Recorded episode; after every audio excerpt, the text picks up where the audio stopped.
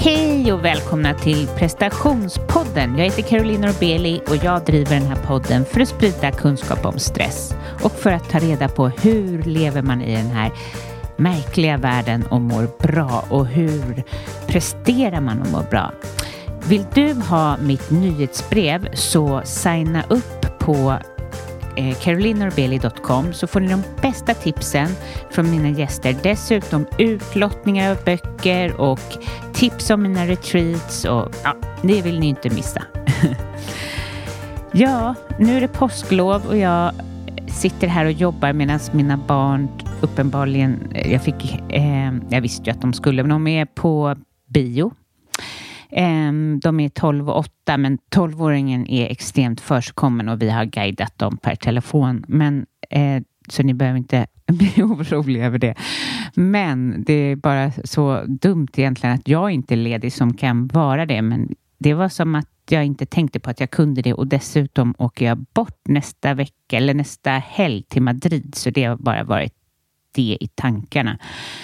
Um, Nej, men jag får sms av min dotter, eller min son. Jaha, nu har Matilda spilt ut popcornen. Eh, jaha, okej, okay, men köp ny. Köp ny, skriver jag. Här, Nej, men det kostar 60 kronor. Jaha, då får jag swisha. Nej, men eh, det är ju bara så otroligt att ha de två som känns som mina bebisar som nu är på Hötorget och tittar på den nya Zlatan-filmen och att de ja, gör det ihop också. Jättegulligt, men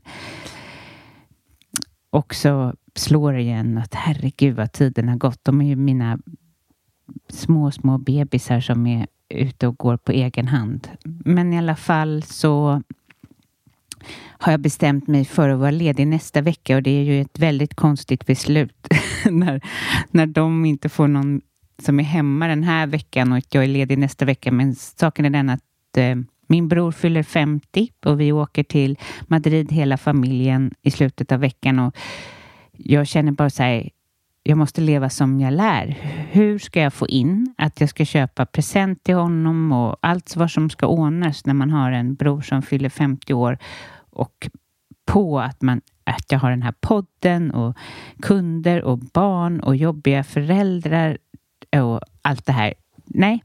Så jag eh, beslutade mig för det och sköt upp massa kunder och jag är jättetacksam för alla var så gulliga och, och förstående. Man har ju alltid bilden av att herregud, vad ska de tycka nu när jag, jag har ju sagt att de ska komma varannan gång. Ska jag vara ledig helt plötsligt? Eh, men det fick jag vara och jag ska njuta så mycket av att bara ta det helt lugnt.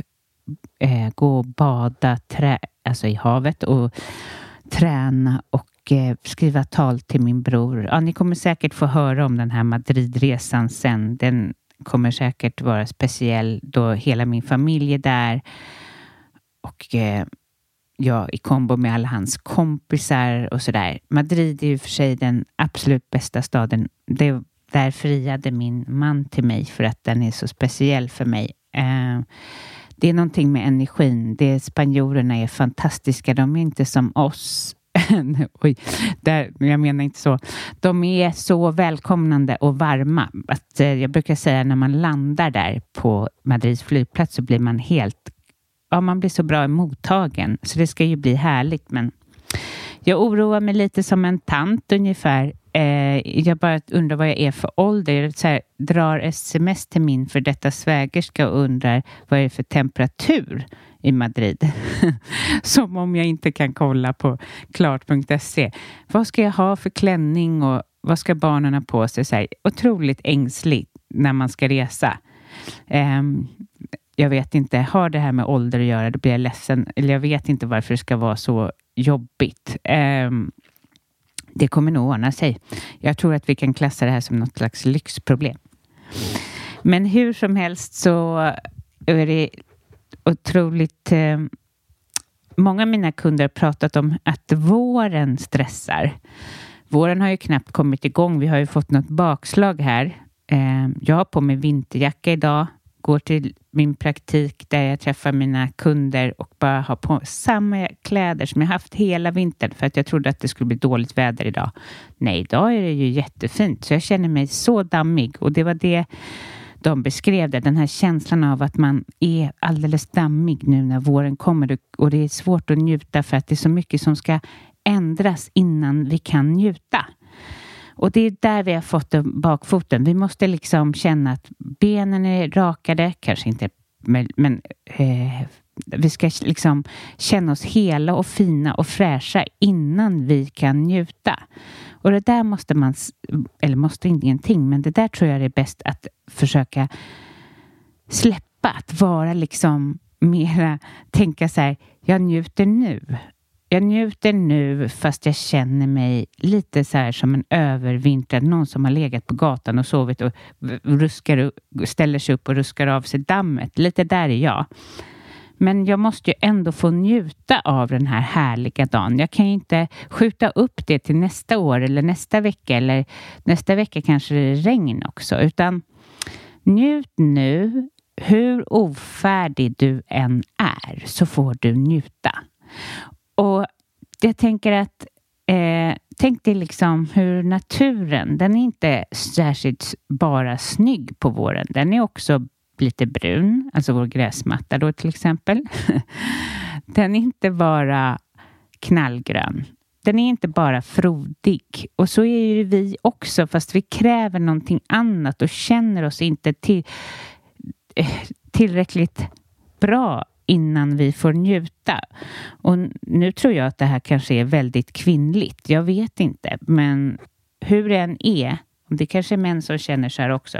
Man känner ju gärna nu att man skulle ha tvättbräda på magen och alltså alla de här.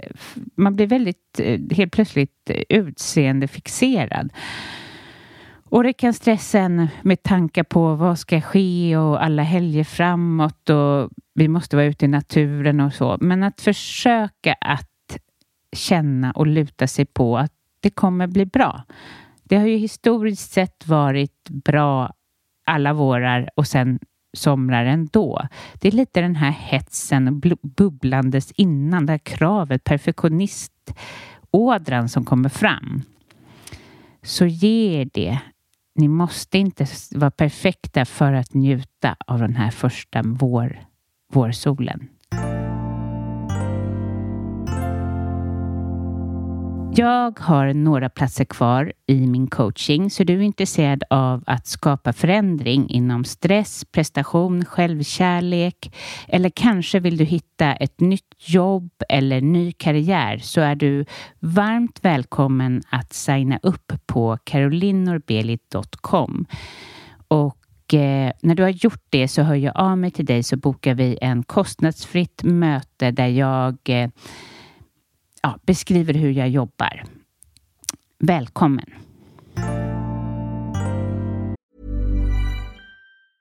Ready to pop the question? The jewelers at BlueNile.com have got sparkle down to a science with beautiful lab-grown diamonds worthy of your most brilliant moments. Their lab-grown diamonds are independently graded and guaranteed identical to natural diamonds, and they're ready to ship to your door. Go to Bluenile.com and use promo code LISTEN to get $50 off your purchase of $500 or more. That's code LISTEN at Bluenile.com for $50 off. Bluenile.com code LISTEN. Hold up. What was that? Boring. No flavor. That was as bad as those leftovers you ate all week. Kiki Palmer here, and it's time to say hello to something fresh and guilt-free. Hello Fresh. Jazz up dinner with pecan-crusted chicken or garlic butter shrimp scampi. Now that's music to my mouth. Hello Fresh. Let's get this dinner party started. Discover all the delicious possibilities at hellofresh.com. Quality sleep is essential. That's why the Sleep Number Smart Bed is designed for your ever-evolving sleep needs. Need a bed that's firmer or softer on either side? Helps you sleep at a comfortable temperature? Sleep Number Smart Beds let you individualize your comfort so you sleep better together. JD Power ranks Sleep Number number 1 in customer satisfaction with mattresses purchased in-store. And now, save 50% on the Sleep Number limited edition Smart Bed for a limited time. For JD Power 2023 award information, visit jdpower.com/awards. Only at a Sleep Number store or sleepnumber.com. Millions of people have lost weight with personalized plans from Noom, like Evan, who can't stand salads and still lost 50 pounds. Salads, generally, for most people, are the easy button, right? For me, that wasn't an option. I never really was a salad guy. That's just not who I am. But Noom worked for me. Get your personalized plan today at Noom.com. Real Noom user compensated to provide their story. In four weeks, the typical Noom user can expect to lose one to two pounds per week. Individual results may vary.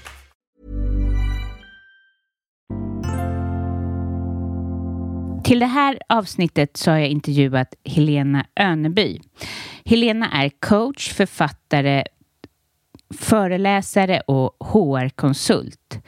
Och jag eh, intervjuade henne för att ta reda på mer om hennes författarskap, hennes bok som hon har skrivit och eh, hennes resa ifrån att hon var sjuk som liten och som sen ledde henne till den hon är idag. Jag lottar även ut den andra boken som hon har skrivit, Det, inre skiftet. Och eh, vill du ha den boken, vi kommer tala om den mer under intervjun, eh, så kan du skicka ja, signa upp på carolinorbeli.com på mitt nyhetsbrev och sen skicka en ett mejl till mig, caroline.prestationspodden.se där du beskriver varför just du ska ha den boken. Men först och främst så tycker jag att du ska lyssna på Helena Öneby.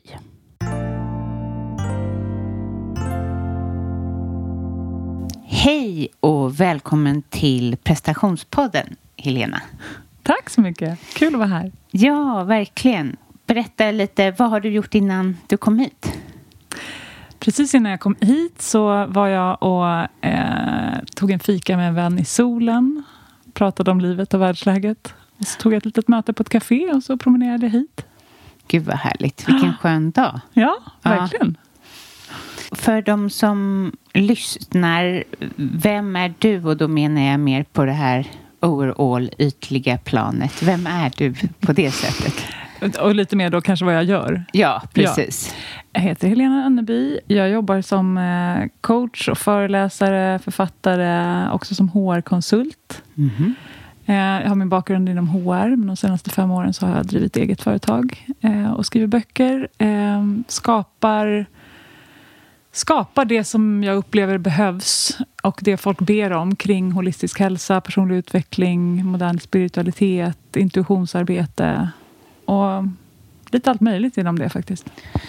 Vad härligt eh, det låter. Men eh, jag fattar, eller jag vet ju att det, oftast när man har kommit till den platsen att man jobbar med andra människor och så, så har man varit med om en resa. Mm. Och hur började din? Mm. Ja, jag tänker det som känns som den mest naturliga ingången är ju min egen sjukdomshistoria. För jag eh, var multisjuk när jag var yngre. Jag fick min första diagnos när jag var 12-13. Eh, och sen byggde det på. Jag fick fler och fler diagnoser. Så när jag var 30 så hade jag sex olika autoimmuna kroniska diagnoser. Och mina läkare sa att eh, det, vi struntar väl i att räkna. Och det kommer antagligen bli fler, men vi kommer antagligen kunna typ hålla det vid liv med hjälp av medicinering och kontroll och, och så. Och det var ehm, en väldigt jobbig period eh, förstås, för att det, det, var otroligt intensivt just då. För det var som, jag utreddes för flera diagnoser och fick inga riktiga svar. Och min livskvalitet var ganska låg. Så där någonstans när det blev så där mycket och allt på en gång, det var första gången som jag började ställa mig frågan varför? Varför blir jag sjukare och sjukare? Och det var också då jag förstod att alla de här sjukdomarna jag hade, hade autoimmun karaktär. Så att det fanns liksom någon gemensam nämnare, men inom sjukvården kunde jag inte få svar på vad den var. Så då började jag söka min egen väg inom funktionsmedicinen och eh, hittade min egen väg till läkning eh, via för först kost och livsstilsförändringar men sen insåg jag också att det fanns massa flera lager inom mig att jobba med. Mm. Eh, så i och med det och den eh, personliga utvecklingsresa som den här fysiska resan triggade hos mig. Vad var det för sjukdomar du fick först? Den första sjukdomen jag fick var ulcerös kolit, en inflammatorisk tarmsjukdom. Um, sen fick jag celiaki, uh, autoimmun hepatit, uh, sitter i levern. Um, Pyoderma gangrenosum är en hudsjukdom, vaskulit är också en Mycket vad hudgrej. din kropp. Ja. har sagt ifrån. Ja, verkligen. Och det var ju det, någonstans så var det väl kanske att jag tidigare, jag har alltid varit väldigt intresserad av personlig utveckling, så det var väl kanske någonting i mig som också samtidigt som det här eskalerade så blev jag också mer och mer medveten om mitt eget ansvar för mitt eget liv och det började liksom, nej men vänta här nu, det här jag kan ju påverka det här på något sätt men jag fattar inte hur än. Och så försökte jag gå till sjukvården och få svar men så kunde jag inte få det. Um, och då, det viktigaste skiftet för mig var ju då att jag valde, istället för att be någon annan lösa mina problem, om de inte kunde det, så var det att jag satte mig i förarsätet för mitt eget liv.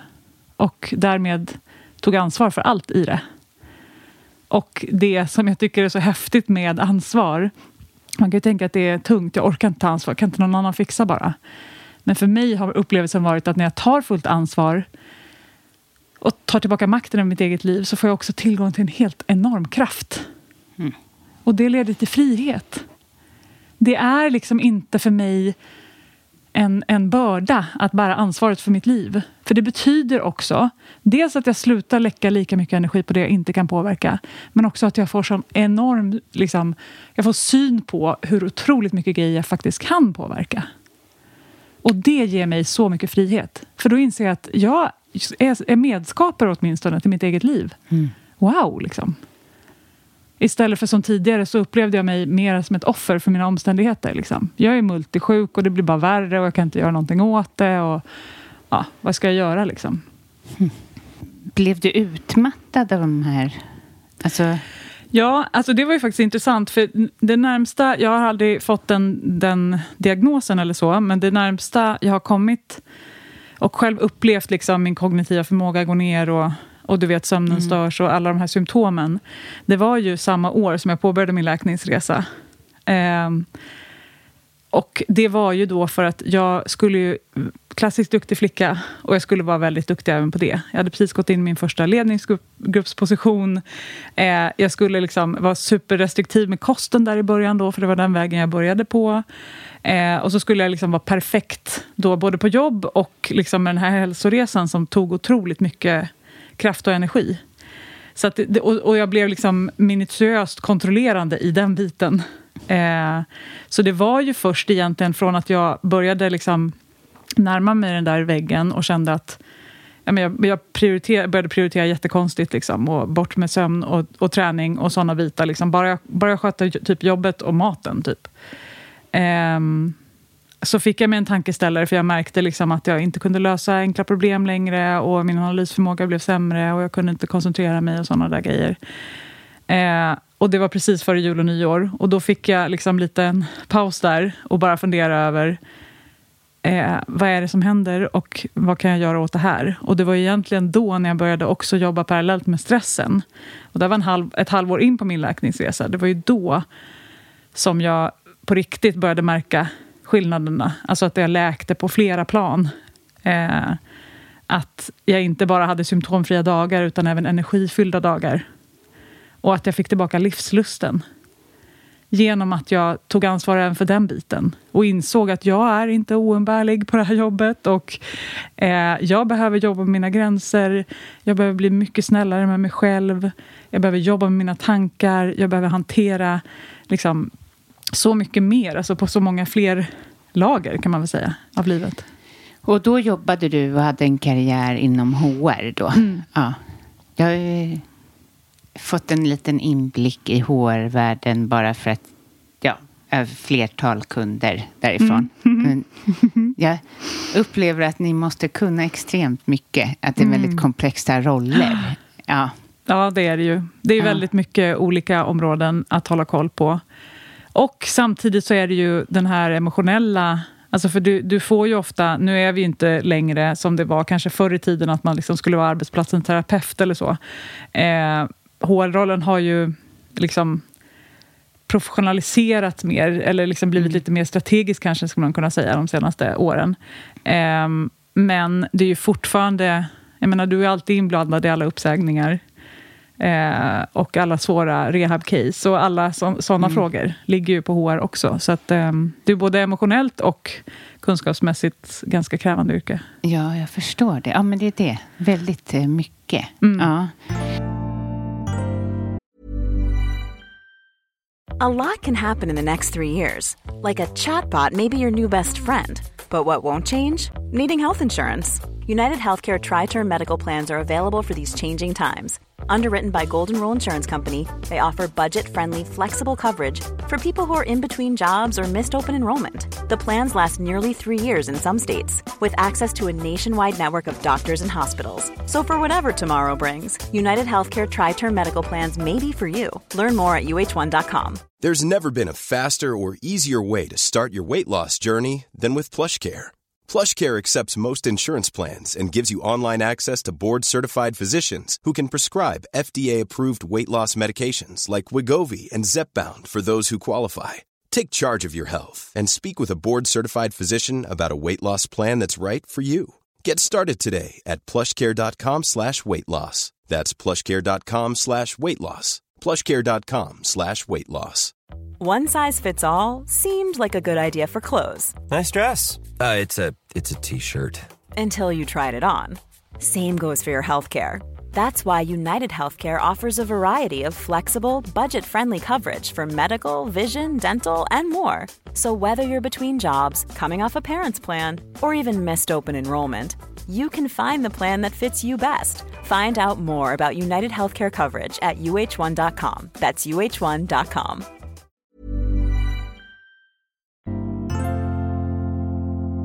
Hur orkade du jobba när du hade alla de här olika, alltså bara ha celiaki räcker ju.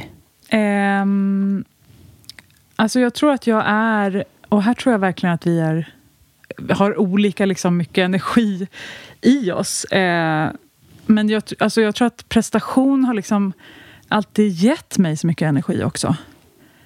Um, och det var ju också det stället där jag kunde få känna mig stark och kompetent. Så det mm. gav mig ju väldigt mycket respit från att hantera mitt liv. Liksom. Det var ett gömställe. Mm. Här kan jag hantera de här frågorna som egentligen inte har med mig att göra, eller min mm. själ, eller mitt hjärta, eller det som gör ont inom mig. Liksom. Så det blev ju på ett sätt en tillflykt, tror jag också. Men vad var dina, när du upp, liksom började sätta igång med dig själv, vad var de största upptäckterna? Mm. Kanske jättesvårt. Ja, Man kommer knappt ihåg. Fråga. Ja. Nej, men jag provpratar bara nu, för ja. jag, det, det, ja. det som kommer upp. Alltså det ena var, ju, tänker jag, är... Eh, alltså den stora grejen generellt är ju att upptäcka att jag inte är mina tankar. Utan mm. jag har dem. Mm. Och där tänker jag, för mig var det en väldigt stor, stor upptäckt att bara inse så här, vänta. Eh, den största... Eh, motståndaren jag har i mitt liv är ju jag själv. Alltså mm. det är jag som är elak mot mig själv i mitt eget huvud. Mm. Det är därför livet ibland är så jobbigt. Och särskilt när livet är jobbigt så kan det bli ännu jobbigare. För att jag håller på och skäller på mig själv för att jag inte hanterar situationen bättre. Eller inte använder mina verktyg eller vad det är. Um, så jag tänker att det är ju en sån där, bara inse det att jag har mina tankar och jag har mina känslor. Vänta, vad är jag då? Jo, jag är ju något annat som observerar det här som sker. Okej. Okay. Finns det verkligen en objektiv verklighet eller kan jag titta på saker ur flera olika perspektiv? Mm. Vad är en känsla? Behöver jag bli övermannad av en känsla eller kan jag känna den och låta den transformeras och passera? Mm. Alltså sådana där grejer. Det, det är väl kanske lite mer... Eh, jag förstår. Jo, men det är väl kanske en av de första upptäckterna man mm. får. Och det är ju så skönt som vissa dagar när man till exempel har PMS, då är det nästan helt ja. omöjligt att skilja sig från tanken. För ja. då, man är ju typ som ett stort känsloregister som är ute och går. Ja.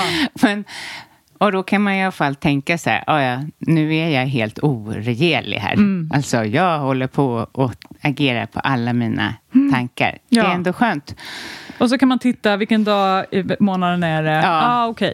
Inga stora beslut behöver vi ta idag och vi behöver Nej. gå och lägga oss lite extra tidigt Nej. och ta hand om oss. Jag, Liksom. nej, precis. Jag kan i huvud taget inte boka in någonting. Eller Nej. jag kan inte göra någonting. Egentligen borde jag... Jag är dålig på att boka av saker, men Mm. det skulle jag göra. Men Mm. ehm, vad sa omgivningen när allt det här hände dig? Ja, vad sa omgivningen? Jag tror att jag till stor del Ehm, var ganska hemlig av mig, alltså till den stora, liksom, större kretsen. Mina närmsta var ju förstås väldigt engagerade och oroade. Ehm, det var faktiskt precis i den här fasen, och det var ju egentligen bara för... Jag startade en blogg som var anonym som börs, först handlade, var bara för mig, för att jag behövde skriva av mig om allt som hände varje dag, för det var nya läkarbesök och nya uppdateringar. Liksom sådär. Och sen så, eh, efter ett tag så bjöd jag in typ min mamma och min syrra där, för att de vill ju veta allt det där. Ja, här finns det en adress, berätta inte för någon, liksom, men här står det grejer. Eh, och sen efter ett tag, liksom, i, typ när det intensifierades och där, så bjöd jag kanske, eller jag kanske vågade lite mer. Jag tog små, små steg liksom, att våga bjuda in fler och fler och läsa det där. Ehm, och det var ju inte bara så här, nu har jag varit där och fått det här provsvaret, utan det var ju också så där, hur jag förhöll mig till det och tänkte kring det och ehm, hur jag hanterade mina känslor kring det och så där. Så ett sätt för mig att börja sortera. Liksom. Ehm, och det är ju intressant, för det är den bloggen som sen liksom växte, som sen bl- har blivit till ett företag. Alltså, det började liksom där. Vad coolt. I ett behov av att bara skriva av mig. För skrivandet har alltid varit för mig ett sätt att förstå mig själv. Mm. Eh, och särskilt när jag skriver för andra, upptäcker jag. Mm. Jag skriver otroligt mycket dagbok och ibland så kan jag ju bara snurra där. Men när jag vet att det finns en mottagare så blir det lite mer, blir lite mer riktning på något sätt. Och ibland kan jag behöva snurra, absolut. Men ibland kan det vara skönt att på något sätt knyta ihop någon säck någonstans eller liksom komma fram till någonting. Och då hjälper mig skrivandet. Där är det alltså kanske folk som då har också sådana typer av upplevelser som tar del av. Och, Ja, Ja. precis. Så att min, första, min första blogg var ju en sjukdomsblogg. Mm. Absolut. Ehm, och de som läste den var ju också människor som gick igenom sådana saker. Mm. Liksom. Sen har ju min egen evolution, nu är det tio år sedan jag blev symptomfri. Och, ehm, och jag har ju, jag märker ju också att mitt eget, min egen utveckling och mitt eget intresse skiftar ju genom åren. Liksom. Med, med. Eh, så att jag är ju inte, jag, är, jag jobbar inte längre med, med liksom multisjuka personer på det sättet och jag eh, är inte lika liksom, påläst eller intresserad av just det, utan det som hände mig med tiden var ju att jag på något sätt gick djupare in i mig själv och min eget, mitt eget inneskifte, mina egna eh, processer och också mer intresserad av det som är det allmänmänskliga. Mm. Alltså det vill säga, vad behöver vi människor oavsett våra, omständigheter? Oavsett om våra utmaningar handlar om sjukdom, eller, eller arbete, eller relationer, eller vad det nu kan vara. Så vad är det som hjälper oss inifrån och ut att må bra? Och det var ju det som jag... Liksom, jag ser lite som att skala av lagret på en lök. Liksom. Första delen för mig var typ kost, eller mat och hälsa, liksom, yt- yttre hälsa. Och sen blev det holistisk hälsa och sen blev det inre hälsa och spiritualitet. Och du vet, längre, närmare och närmare kärnan. Vad var liksom det som hjälpte dig först av allt? Om det är någon som lyssnar och har lik... Du menar när jag skulle hitta min Ja, läkning? Ja.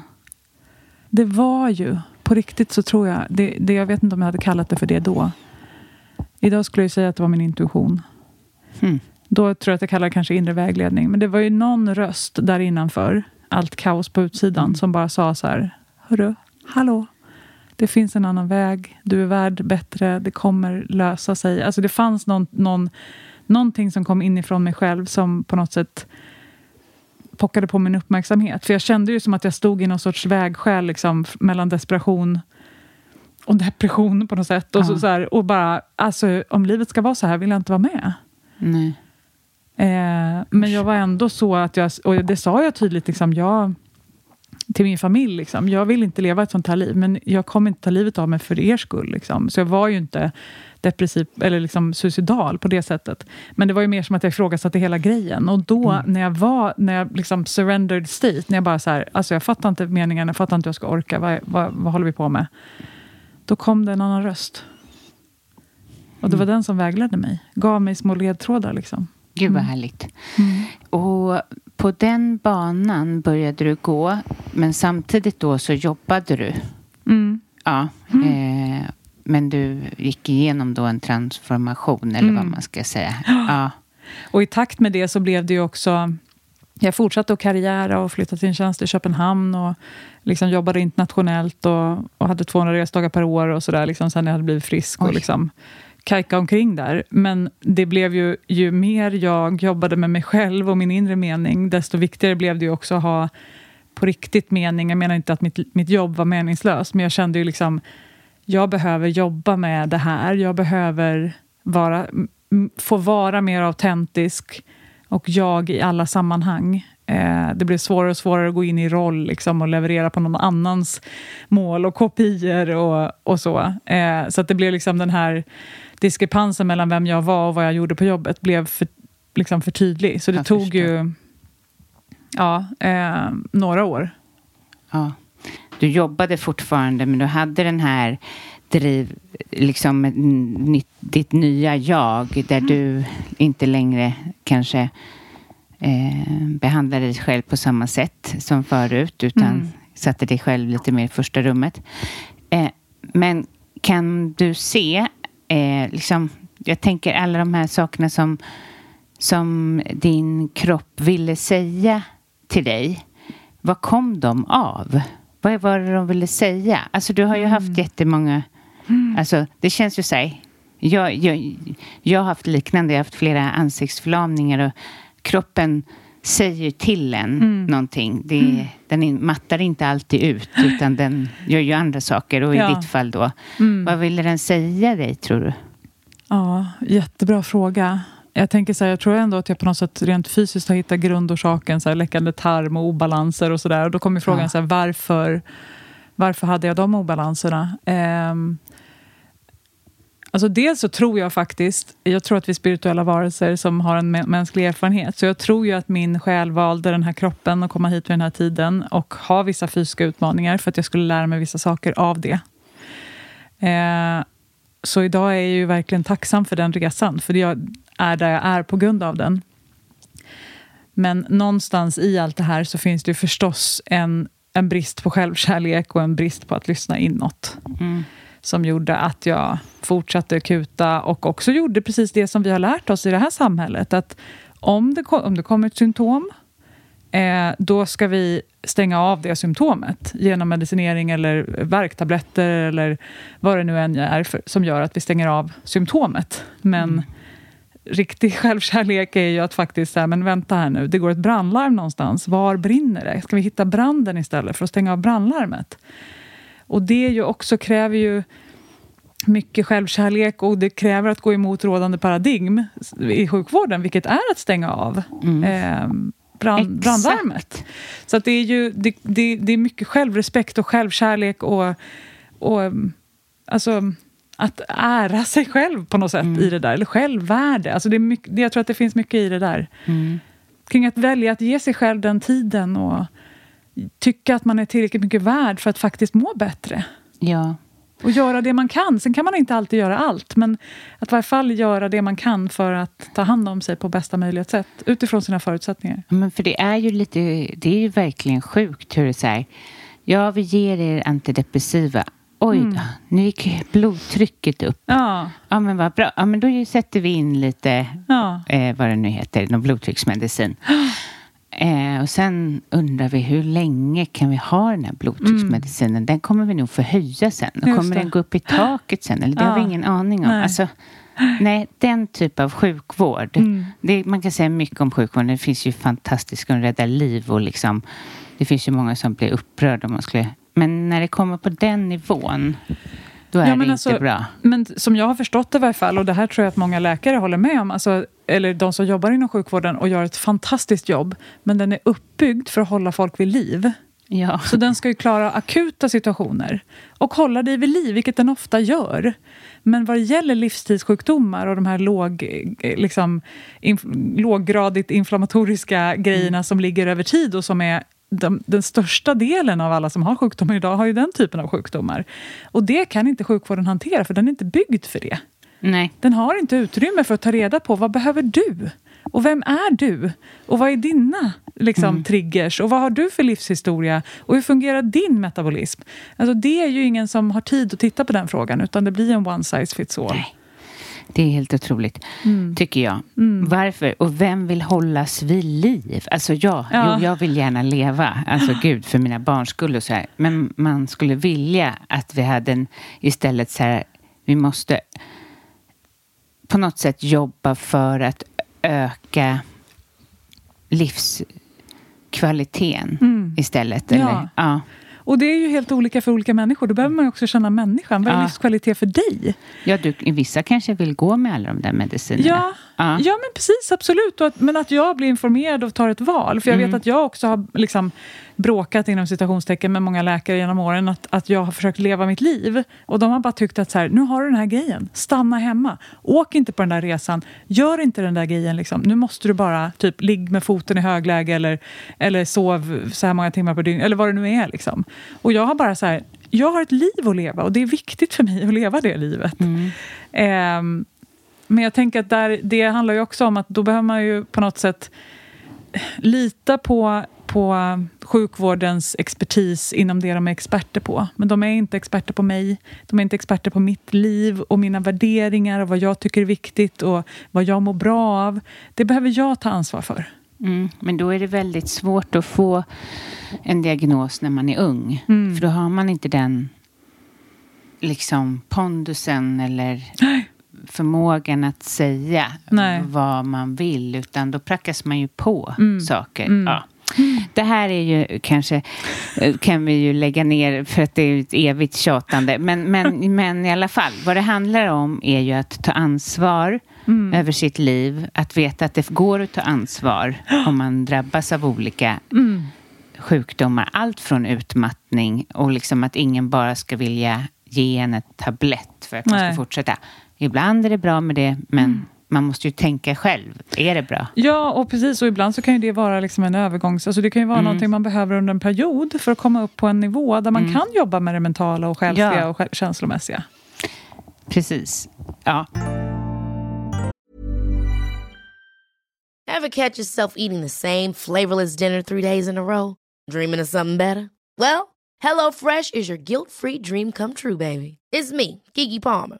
Let's wake up those taste buds with hot, juicy pecan-crusted chicken or garlic butter shrimp scampi. Mm. Hello Fresh.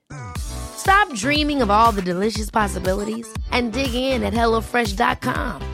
Let's get this dinner party started.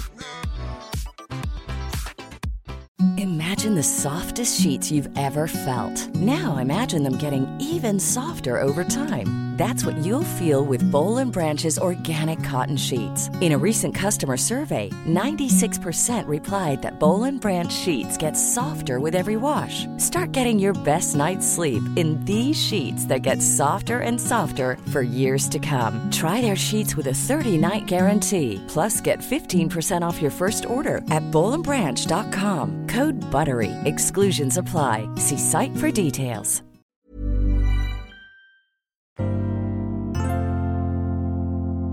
Och varför tror du att eh, det finns så mycket stress i vårt samhälle? Känns nästan som en konstig fråga just nu när det pågår ett krig när, när ett land inte så långt därifrån. Men om man ser overall.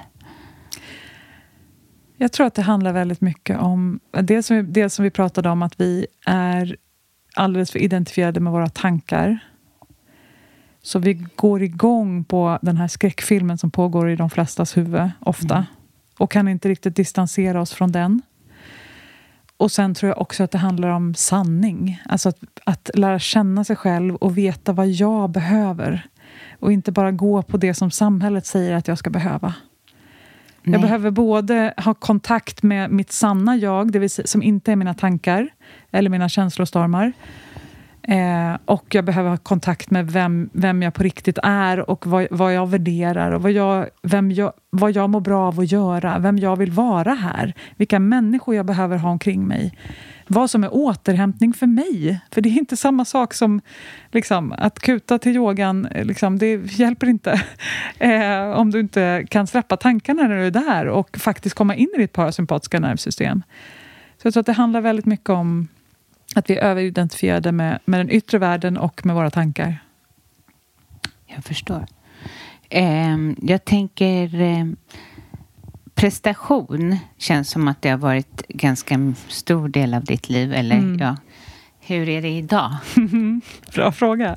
För jag, jag, jag, kämpar faktiskt lite med det idag. Eh, alltså just nu, för att jag Eh, är en liten så mellanperiod. Jag har avslutat en hel del grejer, har inte riktigt eh, kommit igång med något nytt, vet inte riktigt riktning. Och min intuition säger bara åt mig så här, avvakta, avvakta, det kommer bli tydligt. Och då går ju min prestationsprinsessa igång och bara panik, vi måste agera, vi måste prestera och varför jobbar du inte 40 timmar i veckan just nu? Och så där, liksom.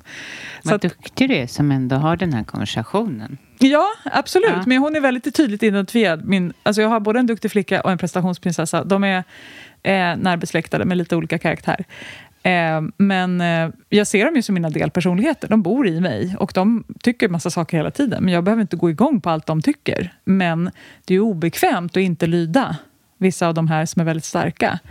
Eh, så att jag tror att skillnaden från förr och nu, det är ju, det är ju inte att min prestationsprinsessa eh, är svagare egentligen, utan det är bara att jag ger henne lite mindre utrymme. Eller jag, jag är lite bättre på att lugna ner henne. Alltså jag älskar henne och hon har en funktion och hon får jättegärna vara med i min orkester eller vad man nu vill använda för liksom, eh, Eh, metafor för det. Men jag är dirigent. Jag bestämmer när, när vem ska spela. Och nu ska vi ligga här och läsa en bok. Eh, och i perioder är det lättare eller svårare att, då faktiskt, att hon faktiskt lugnar ner sig också och inte ligger där och bara varför ligger du här? Varför ligger du här? Du borde, du borde, du borde. Och vissa dagar är hon ju liksom väldigt eh, påstridig. Och vissa dagar så softar hon lite lättare. Men, men dialogen pågår ju ständigt. Mm. Nu kom jag på, som jag inte frågade, ja, väldigt förlåt, intressant det du sa. Det är jätte, det, det, vi alla har ju de där delpersonligheterna. Mm. Ja. Och, eh, det är så Verkligen. lustigt vad man väljer också att gå igång på. Mm. den som stör en mest. Mm. Liksom. Just det. Mm. Men det jag tänkte fråga var, tror du stress har skapat något av dina autoimmuna sjukdomar? Absolut. Ja. Mm. Verkligen. Inte, inte alla. Jag tror att det finns liksom olika, um, olika orsaker till varför vissa triggades i vissa perioder i mitt liv. Och jag kan ju se mönster i det. Men det säger man ju också, just med autoimmunitet så är ju det jag vet inte, jag kommer inte ihåg vad den psyken heter, men det är ju någonting väldigt tydligt kopplat till stress. Um, så att jag tänker att för mig är ju stress, alltså, och det är ju sånt du pratar om här hela mm. tiden, men liksom, alltså, stressen i sig är ju inte farlig. Och om jag inte blir rädd för min stress så behöver den heller inte, inte då behöver den verkligen inte vara farlig och det är liksom återhämtningen, bristen på återhämtning som är problemet. Eh, så att jag tror att innan jag lärde mig om det parasympatiska och sympatiska nervsystemet och hur det känns i mig, så tror jag att jag hade ganska lite koll på det där. Alltså det vill säga, jag kunde ju ta en, en ledig helg och jag kunde gå iväg. Alltså du vet, mm. man kan göra alla de här grejerna, men om det fortfarande är är panik uppe i mitt huvud så spelar det ingen roll om jag är på spa en dag. Det hjälper mig liksom inte. Nej. Jag behöver komma ner i, i någon form av lugn och ro-respons. Och det kan jag ju också göra om jag känner mig trygg och lugn på ett möte på jobbet. Absolut. Så ja. det, det är väl liksom någonting i det där. Nej, men verkligen. Mm. Att vila i sin prestation ja. och vila i sitt jobbande. Alltså, det är ju helt hur man reagerar på olika saker. Man ja. kan ju gå stressad på Sturebadet ja. för att man inte mår bra. Nej. Så, att, ja. så att jag tror att det var det jag höll på med tidigare. Liksom. Att jag trodde att jag liksom, så här, nu har jag jobbat jättemycket, nu måste jag ta ledigt. Och så bara åker på semester någonstans och bara är skitstressad över jobbet. Liksom. Det, det hade ju inte den effekten som jag trodde att det hade. Men jag trodde att jag hade varit duktig inom citationstecken och tagit hand om stressen. Mm. Och du är ju också författare och eh, skrivit eh, Det inre skiftet. Mm. Kan du berätta lite om den? Ja, det här är ju uppföljaren till min första bok som handlar om Kraften kommer inifrån, som handlar liksom om min läkningsresa. Och apropå det jag sa, att jag liksom har kommit till nästa, eh, nästa nivå av min egen evolution och därmed liksom är mycket mer intresserad av de inre processerna. Så det inre skiftet kom, kom ur mig via min intuition under pandemin. För att jag upptäckte då, och det var ju saker jag hade jobbat med länge, men det blev väldigt tydligt för mig vad det var jag tappade när världen vändes upp och ner. Och jag märker precis nu när vi är inne i eh, oroligheterna runt omkring mm. oss just nu, så är det precis det är liksom samma eh, processer som sätter igång i mig. Och det är ju att jag börjar känna motstånd mot verkligheten istället för acceptans. Att jag börjar känna otroligt mycket oro och kontrollbehov istället för tillit. Att jag börjar bli otroligt självkritisk för att jag inte hanterar situationen bättre eh, istället för självmedkänsla. Att jag fokuserar bara på det som inte fungerar istället för tacksamhet. Och att jag blir otroligt allvarlig och seriös till sinnes. Liksom. Bara nyheter och svåra samtal hela dagarna istället för lust och glädje. Mm. Så boken kom till för att jag själv insåg så här, men vänta, nu är det några grejer som saknas här. Och jag har fastnat i polariteten, eller liksom motsatsen till dem. Så vad är det jag behöver? Jo, det är tacksamhet, det är acceptans, det är tillit, det är självmedkänsla och det är glädje. Så boken handlar ju om de fem kvaliteterna. Eh, och hur man kan utveckla dem. För att må bra eller alltså det är inte nödvändigtvis att man måste vara glad varje dag, men att ta hand om sig, hitta välmående och kunna leva fullt ut oavsett om jag har en massa sjukdomar, mm. eller om jag är arbetslös, eller om det är krig i världen, mm. eller vad det än är som händer. Hur kan jag ta hand om mig själv inifrån och ut? Så, det är verkligen sant. Jag, mm. ja, men jag har haft en hel del kunder här idag och då blir det ju att man till, till viss del pratar om det. Mm. Eh, och, um, då är det verkligen så här vi måste skratta mer och det måste vi nog inte bara nu här under det här kriget tänka på det utan jag hade faktiskt en intervju med en skådespelare häromdagen eh, som ja, men han är väldigt eh, ja, vi har nog, jag har redan sänt det här. Henrik, han, han, ja, hans jobb är ju att få folk att skratta så han fick ju även mig att skratta mm. men jag kände bara hur jag reagerade. Mm alltså inom mig, inom hela mig själv för att ja, det är inte bara att eh, det är krig och sånt. Även som vuxen, typ så här, ja, Lukas behöver det här och Matilda behöver det här och mina kunder behöver det här. Att man glömmer bort det här flamset. Mm. Så mm. det tror jag nog är det bästa. Vi måste få skratta och det är okej att skratta mm. under, under det här kriget. Man kan ta tid för både och. Um, Ja, men jag pratade faktiskt, jag hade ett möte med, eller har ett, ett sammanhang där jag pratar med mycket ukrainare eh, och frågar liksom om hur vi kan hjälpa och sådär. Och där var det just en ukrainare som faktiskt observerade det, att, här, att han har aldrig sett så här mycket humor komma så snabbt ur en sån här situation. Liksom. Från det ukrainska folket. Gud. Ja. Alltså för att de bara gör memes av allting. Och liksom så här, för att det är ett sätt att hantera det här. Ja, vi behöver. Men, ja, men... Och det är som att vi har liksom lärt, nej nu måste vi vara superallvarliga. Och, mm. Men vi, vi blir också låsta i huvudet då. Vi kommer inte vidare. Nej. Vi behöver kreativiteten, vi, behöver, vi behöver skrattet för att förlösa känslor. Vi behöver gråtet också. Ja, verkligen. Men liksom att allt får finnas. Ja, men precis. Och precis, de sitter ju i position av att kunna få driva med sitt situationen. Mm. Men det är lite svårare för oss. Ja. Men vi kan skratta åt annat och liksom ja. bara försöka få fram det här barnet inom oss mm. lite mer. Ja. Absolut. För man, ja.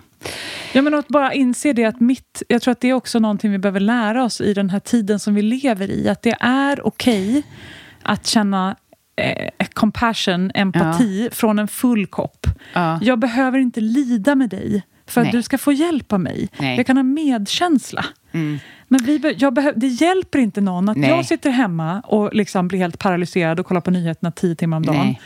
Utan det hjälper att jag lever mitt liv och fyller på min energi och stannar i den höga energin, inte minst. Mm. Så att jag också kan hjälpa därifrån med mm. den energin. Men det är ju lite så man fungerar som coach och så borde man ju vara mm. eh, som man är som coach. Ja. För då går man ju inte hem med alltså, det extrema fall som man gör det. Ja. Men de vanliga fallen så är man ju det stannar ju där i rummet. Ja. Och man önskar att man kunde ha den förmågan även lite mer i sitt liv. Liksom Mm. så. Men, eh, och det inre skiftet, jag antar, eh, var säljer du och vad har du fått för respons? Den här boken eh, finns på alla eh, online eh, bokhandlar och så. Mm. Den kommer också ut som ljudbok nu vilken dag som helst. Eh, så jag har precis spelat in den som ljudbok. Det varit Och, och kom, roligt. kommer vara på Nextory? Ja, Ah. och Bookbeat och Bookmate och Storytel och vad de heter. Ja. För oss som, som hellre lyssnar. Ja, för det var faktiskt väldigt många, det är väldigt många utbrända personer som Ja. har efterfrågat den som ljudbok. Så det var delvis därför jag eh, Ja. spelade in den som ljudbok, för att man inte orkar läsa. Hmm. Ehm, men det är ju fantastiskt att den, att den finns ute och att den gör avtryck på människor, i människors liv. Liksom. Och det är många som har hört av sig nu och säger att jag läste den där när den kom ut i, den kom ut i november 2022, nej, 2021. Eh, men att eh, de nu tar upp den igen liksom, och går tillbaka till vissa delar och läser och ehm, verkligen känner hjälp av den. För den är, upp, den är egentligen uppdelad i två delar. Den ena delen är liksom grundfundamenten kring ett ehm, kring livet. Alltså det, till exempel sånt här att, att man inte ska tro på alla sina tankar eller att vi är ansvariga för våra liv och alla de här, vad, vad intuitionen är för någonting och vad meditation hjälper till med och så. Och sen så den andra delen handlar om de här fem kvaliteterna och också rent praktiska verktyg för hur man kan förstärka de här Ja. kvaliteterna i sitt eget liv. Så den är väldigt, det är liksom en praktisk arbetsbok, både blandat med jättemycket historier från mitt eget och andra människors liv som jag hoppas att man kan känna igen sig i. Liksom. Gud vad, vad härligt. Det måste vara en fantastisk känsla att få saker på print.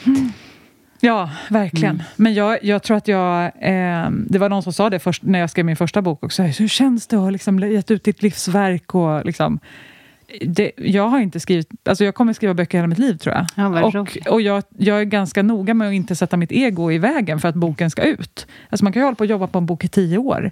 Men jag, för mig blir det så tydligt, jag får vägledning. Nu, nu, nu behöver den här boken ut. Och då är jag kanalen för det.